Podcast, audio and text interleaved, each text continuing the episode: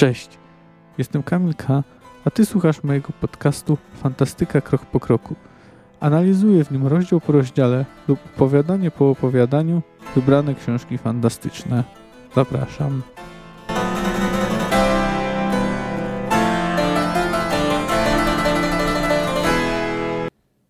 Cześć.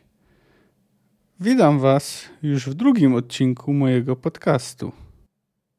Można więc powiedzieć, że zaliczyłem już mały sukces. Pierwszy odcinek nie okazał się jednocześnie ostatnim. Dzisiejszy będzie w całości poświęcony drugiej części głosu rozsądku. Jest ona znacząco dłuższa niż pierwsza, aczkolwiek też nie jest jakaś przesadnie długa.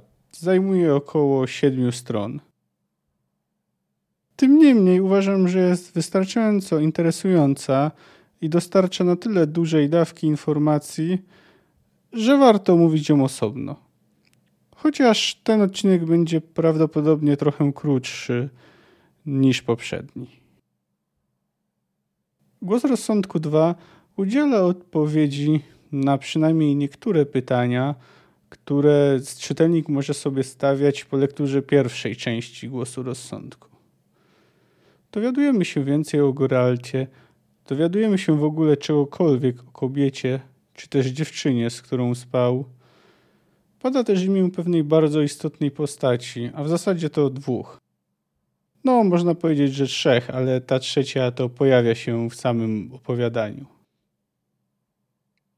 Geralt i dziewczyna zostają obudzeni przez niską, przesadzistą kobietę o imieniu Neneke. Mówi dziewczynie, że czas, by sobie poszła. Geralt próbuje ją na chwilę zatrzymać. Prosi ją, by zaczekała, ale Neneke mówi, że mówienie do niej jest bezcelowe. W sensie do tej dziewczyny, która, jak się okazuje, ma na imię Iola. Bo sama Neneke zostaje, by porozmawiać z Wiedźminem. W dziennym świetle okazuje się, że dziewczyna nie wygląda tak niesamowicie, tak powiedzmy nieziemsko, jak się to Wiedźminowi wcześniej wydawało. Jej oczy nie są wcale czarne, ale modre. Tytułem wyjaśnienia, jeśli ktoś nie wie, to modry kolor to jest mniej więcej błękitny. Z tego co wyczytałem, na Śląsku mówi się o modrej kapuście i ona ma kolor fioletowy, no ale oczy Ioli z pewnością nie są fioletowe. Po prostu są niebieskie. Jest też szpiegowata i ma rude włosy. Gerald uważa, że wygląda całkiem wdzięcznie, ale nie ma już w sobie wyglądu rusałki. Okazuje się, że jest zwykłą dziewczyną, nie ma w sobie nic z Jennefer, kimkolwiek ona jest. Gdy dziewczyna ich opuszcza, Geralt dowiaduje się od Neneke, że Iola uczyniła ślub milczenia. W rozmowie z Neneke klaruje się kilka rzeczy. Dowiadujemy się, że Geralt znajduje się w świątyni poświęconej bogini Melitele, która znajduje się w Elander. Neneke jest kapłanką. Przy okazji dowiadujemy się też, że kapłanki obowiązują raczej liberalne zasady – jeśli mają ochotę na przykład spędzić z kimś noc, nie ma żadnych przeciwwskazań. A ślub milczenia został przez Iolę uczyniony dobrowolnie, jako ofiara y, dla bogini. Podczas tej rozmowy Neneke streszcza też stosunek Geralta do religii, a ten jej nie prostuje. Jest on sceptyczny. Wiedźmin nie czci żadnych bóstw. Potem kapłanka ogląda rany Geralta, jakie zostały mu wyrządzone przez strzygę. Dowiadujemy się więc, że akcja dwóch pierwszych części głosu rozsądku toczy się po opowiadaniu Wiedźmin. Dowiadujemy się też, że kapłanka zna się na leczeniu. Dlatego Geralt zaufał jej, gdy ta otworzyła szwy, jakimi zszyto jego rany w wyzimie wie, że chociaż tymczasowo jego stan zdrowia się pogorszy, to w ostatecznym rozrachunku wyjdzie to dla niego na plus. Podczas oglądania ran kapłanka rozpacza nad stanem Geralta z zakresem obrażeń, jakie wyrządziła mu strzyga. Stwierdza, że Wiedźmin się starzeje, skoro dał się tak pochlastać zwykłej strzydze. Poza tym mówi mu, że przez najbliższych kilka miesięcy jego mobilność będzie ograniczona i powinien bardzo uważać, z jakimi przeciwnikami się mierzy. Na końcu mówi mu, żeby udał się do reflektarza na śniadanie, które przygotowały nowicjuszki czy też kapłanki. Naneke też wyraźnie zaznacza, żeby nie kręcił się po sanktuarium i że go później sama znajdzie. Geralt, nie mając nic specjalnego do roboty, spaceruje więc po terenie świątyni, obserwując kapłanki przy pracy. Niektóre zajmują się pieleniem grządek, inne karmieniem ptactwa. Okazuje się, że Geralt bywa dość częstym gościem w świątyni. Odwiedzają raz, a czasami nawet dwa razy w roku. Ale żadnej z dziewcząt nie poznaje. Nie ma w tym nic dziwnego, bo rotacja w świątyni jest duża. Jedne dziewczyny odchodzą, inne przychodzą. Wiedźmin pogrąża się w rozmyślaniach na temat kultu Melitele, przy okazji przypominając sobie słowa swojego przyjaciela Jaskra. Jego rozmyślania przerywa dopiero Neneke. Toczą kolejną rozmowę. Wynika z niej, że kapłanka wyczuwa wokół Geralta kłębowisko przeznaczenia. Neneke proponuje próbę rozwikłania go przy pomocy transu, w jaki może wprowadzić Iolę, która jest według niej obdarzona szczególną łaską bogini. Geralt odmawia, nie wierzy w jego sens. Na dodatek obawia się, że ten trans może stanowić zagrożenie dla Ioli. Druga część głosu rozsądku to raczej krótki tekst, ale można z niego wyciągnąć całkiem dużo informacji. Tak o Geralcie, jak i o świecie, który go otacza, zwłaszcza o kulcie Melitele. Już w pierwszym akapicie uzyskujemy dość ciekawą informację na temat Wiedźmina. Otóż potrafi on kontrolować swoje źrenice tak, że zwężają się do cienkich pionowych szparek. Bardzo przydatna umiejętność. Inną ciekawą rzeczą jest fakt, że Wiedźmin nie wyzbał się odruchu zasłaniania twarzy ręką przed świecącym w twarz słońcem. Oczywiście, biorąc pod uwagę to, co właśnie powiedziałem o jego umiejętności kontroli swoich źrenic, jest to odruch niepotrzebny.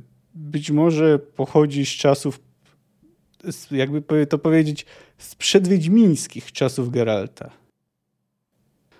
Ciekawe, czy ten nawyk jest właściwy Geraltowi, czy zdarza się u wszystkich Wiedźminów. Neneke wspomina też o imponujących zdolnościach regeneracyjnych Geralta. Jak już wspomniałem, poznajemy jego poglądy na religię. Pozwólcie, że przytoczę, co mówi na ten temat Neneke. Mówiłam, twoje poglądy na religię są mi znane. Nigdy nie przeszkadzało mi to zbytnio i w przyszłości też zapewne przeszkadzać nie będzie. Nie jestem fanatyczką. Ty masz prawo uważać, że rządzi nami natura i ukryta w niej moc. Wolno ci mniemać, że bogowie, w tym i moja Melitele, to jedynie personifikacja tej siły wymyślona na użytek prostaczków po to, by łatwiej ją zrozumieli, by zaakceptowali jej istnienie. Według ciebie ta siła jest siłą ślepą. A dla mnie, Geralt, wiara pozwala oczekiwać od natury tego, co uosabia moja bogini. Ładu, prawa, dobra i nadziei. No więc poznajemy też przy okazji poglądy Neneke. W tym momencie lektury czytelnik nic nie wie o związku Wiedźmina z Yennefer. W opowiadaniu jedynie pada jej imię. Wiedźmin porównuje z nią i Olę. Czy też raczej nie porównuje. Właśnie mówi, że są zupełnie inne. No ale nawet z tego kontekstu można się zorientować, że jest to dla niego osoba bardzo istotna. Wróćmy jednak jeszcze na chwilę do Neneke, bo choć nie pojawia się ona bardzo często na kartach cyklu, to jest to jednak dość istotna postać. Niby oświadcza Geraltowi, że nie jest jego matką, ale jednak trochę pełni taką rolę. Zna go bardzo dobrze, już od małego, co zresztą świadczy o tym, że musi mieć sporo lat. Niemniej zachowuje dużo energii i porusza się bardzo szybko, pomimo swoich rozmiarów. Bardzo dobrze zna się na medycynie. Ciekawe jest, że gdy zajmuje się leczeniem Geralta, stosuje m.in. okład z eukaliptusa. Ciekawe, czy jest on uprawiany na terenie świątyni, czy jest skądś sprowadzany. Nie wydaje się, żeby tereny, na których Geralt przebywa, były takimi, gdzie występuje eukaliptus, ale kto tam wie? Być może świątynia jest do tego specjalnie przystosowana. I rosną tam różne rzadkie rośliny, które mogą być przydatne w leczeniu. Ogólnie rzecz biorąc, tak Neneke, jak i kopłanki Melitele to jeden z rzadkich przypadków, gdy Sapkowski pokazał w pozytywnym świetle przedstawicieli, czy też przedstawicielki zorganizowanej religii. W ostatnim życzeniu pojawi się jeszcze jeden, raczej pozytywny przypadek kapłana, no ale o tym jeszcze powiemy. Ale generalnie niechęć Sapkowskiego do religii jest w cyklu widoczna. Dlatego też o tym też będę miał okazję wspomnieć. A przynajmniej mam taką nadzieję, że dotrę do tego momentu. Nieco zaskakująca jest reakcja Neneke na rany Geralta. Trudno uwierzyć w to, że nie opowiedział jej, w jakich dokładnie okolicznościach został zraniony. Zresztą do świątyni powinny raczej dotrzeć wieści o czarowanej córce króla Foltesta. No bo przecież Geralt odniósł obrażenia nie ze względu na brak refleksu, a brak ostrożności i fakt, że on chciał strzygę odczarować, a nie po prostu się jej pozbyć. Ja uważam, że najbardziej prawdopodobne wytłumaczenie jest takie, że u Neneke doszły do głosu matczyne uczucia i po prostu martwi się o niego trochę bardziej niż powinna. Jak działa świątynia Welander? Z pewnością spełnia dużą rolę edukacyjną. Jak już wspomniałem, między podopiecznymi występuje duża rotacja. A co robią dziewczyny po opuszczeniu świątyni? Znajdują bardzo różne zajęcia. Niektóre będą zajmować się leczeniem, zwłaszcza kobiet. Tak na marginesie, jedną medyczkę, która szkoli się w świątyni Welander, spotkamy na kartach cyklu w nieco zaskakujących okolicznościach. Ale do tego to jeszcze naprawdę dużo odcinków. Inne będą pracować jako nauczycielki albo guwernantki. Część z nich, zapewne te, które są obdarzone zdolnościami podobnymi do Ioli, trafi do innych świątyń jako wieszczki. Kult Melitele jest powszechny, dlatego kapłanki nie muszą się martwić o przeżycie i utrzymanie. Wyznawcy hojnie je wynagradzają. Sam kult tej bogini ma swoje korzenie w czasach przedludzkich, bo ludzie, o czym w szczegółach dowiemy się też później, nie są rdzennymi mieszkańcami świata, w którym toczy się akcja cyklu wiedźmińskiego. W każdym razie, w historii występowało wiele kultów, które czciło naturę, urodzę i płodność. Ostatecznie zlały się w jedną wiarę, czyli kult Melitele. Jest to dość ciekawe, bo choć nie jest to wprost napisane, to wydaje się, że przynajmniej część nieludzi także oddaje jej cześć. Pewnie dotyczy to zwłaszcza nie ludzi, elfów i krasnoludy żyjące w miastach, które są powiedzmy zasymilowane, chociaż nie jest to chyba do końca trafny termin. Swoją teorię na temat popularności tego kultu ma także Jaskier, Bart i przyjaciel Geralta. Jego imię, podobnie jak imię Yennefer, pojawia się po raz pierwszy w cyklu. Generalnie jego opinia sprowadza się do tego, że rodząca kobieta musi wzywać na pomoc jakieś bóstwo i Melitele nadaje się do tego całkiem nieźle. Niektórzy mogliby powiedzieć, że trochę trywializuje. Czy da się kult Melitele porównać z jakąś religią znaną z naszego świata?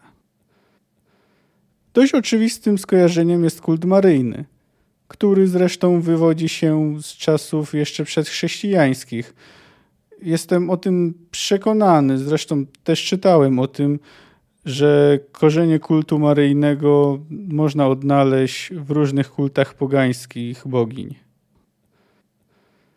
No jednak należy pamiętać, że reguły moralne, jakie obowiązują kapłanki, są zupełnie inne od tych chrześcijańskich.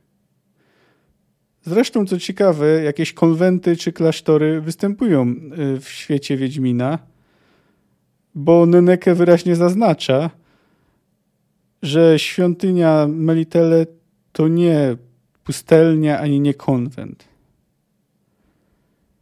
Te liberalne zasady i sama struktura kultu Melitele trochę też nasuwa skojarzenia ze współczesnymi neopogańskimi wierzeniami wikańskimi.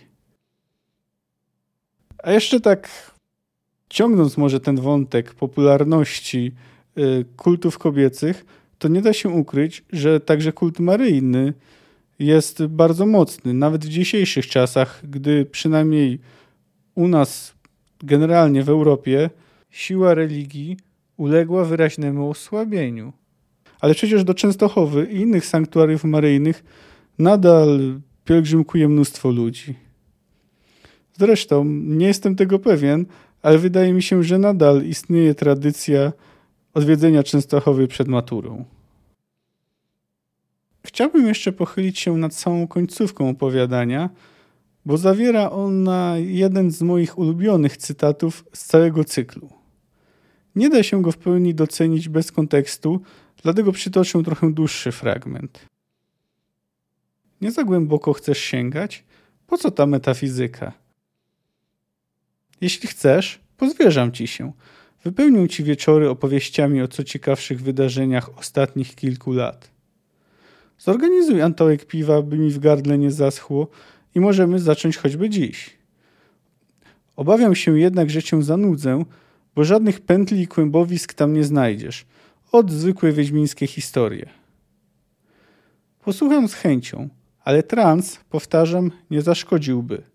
A nie sądzisz, uśmiechnął się, że moja niewiara w sens takiego transu z góry przekreśla jego celowość? Nie, nie sądzę. A wiesz dlaczego? Nie.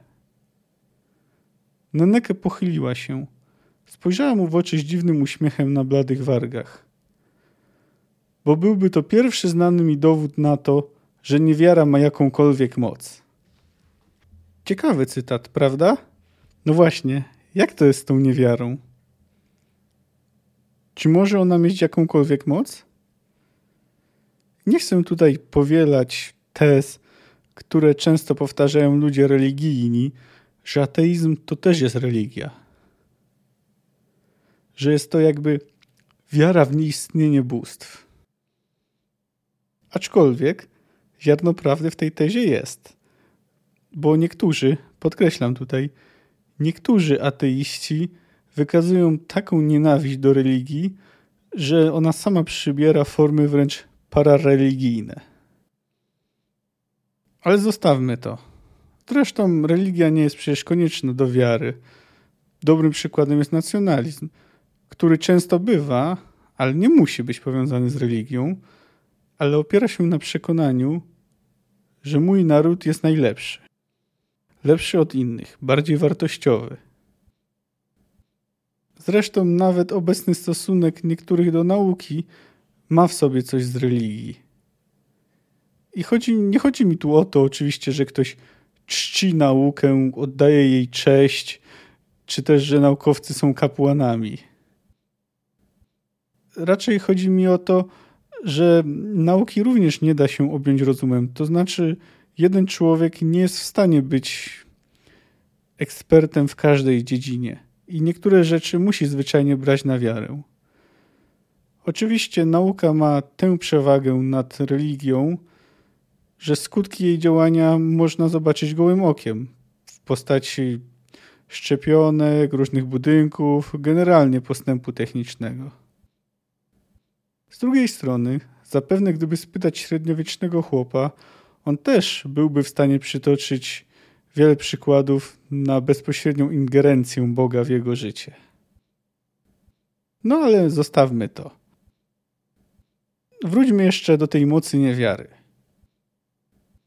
Wiara z pewnością ma moc. Może zresztą niekiedy popychać ludzi do naprawdę strasznych rzeczy. No ale też niektórym daje siłę do czynienia dobra. Nie będę tutaj się zajmował bilansem, czy ostatecznie wychodzi on na plus, czy na minus. Jest to zbyt trudne i skomplikowane zagadnienie.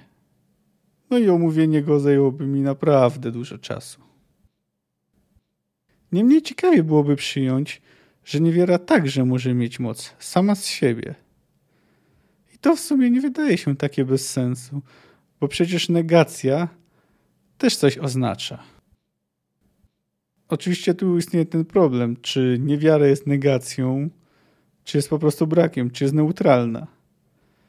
No jest to w każdym razie dość ciekawe zagadnienie. Ale może zostawmy już te moje nieco chaotyczne rozważania.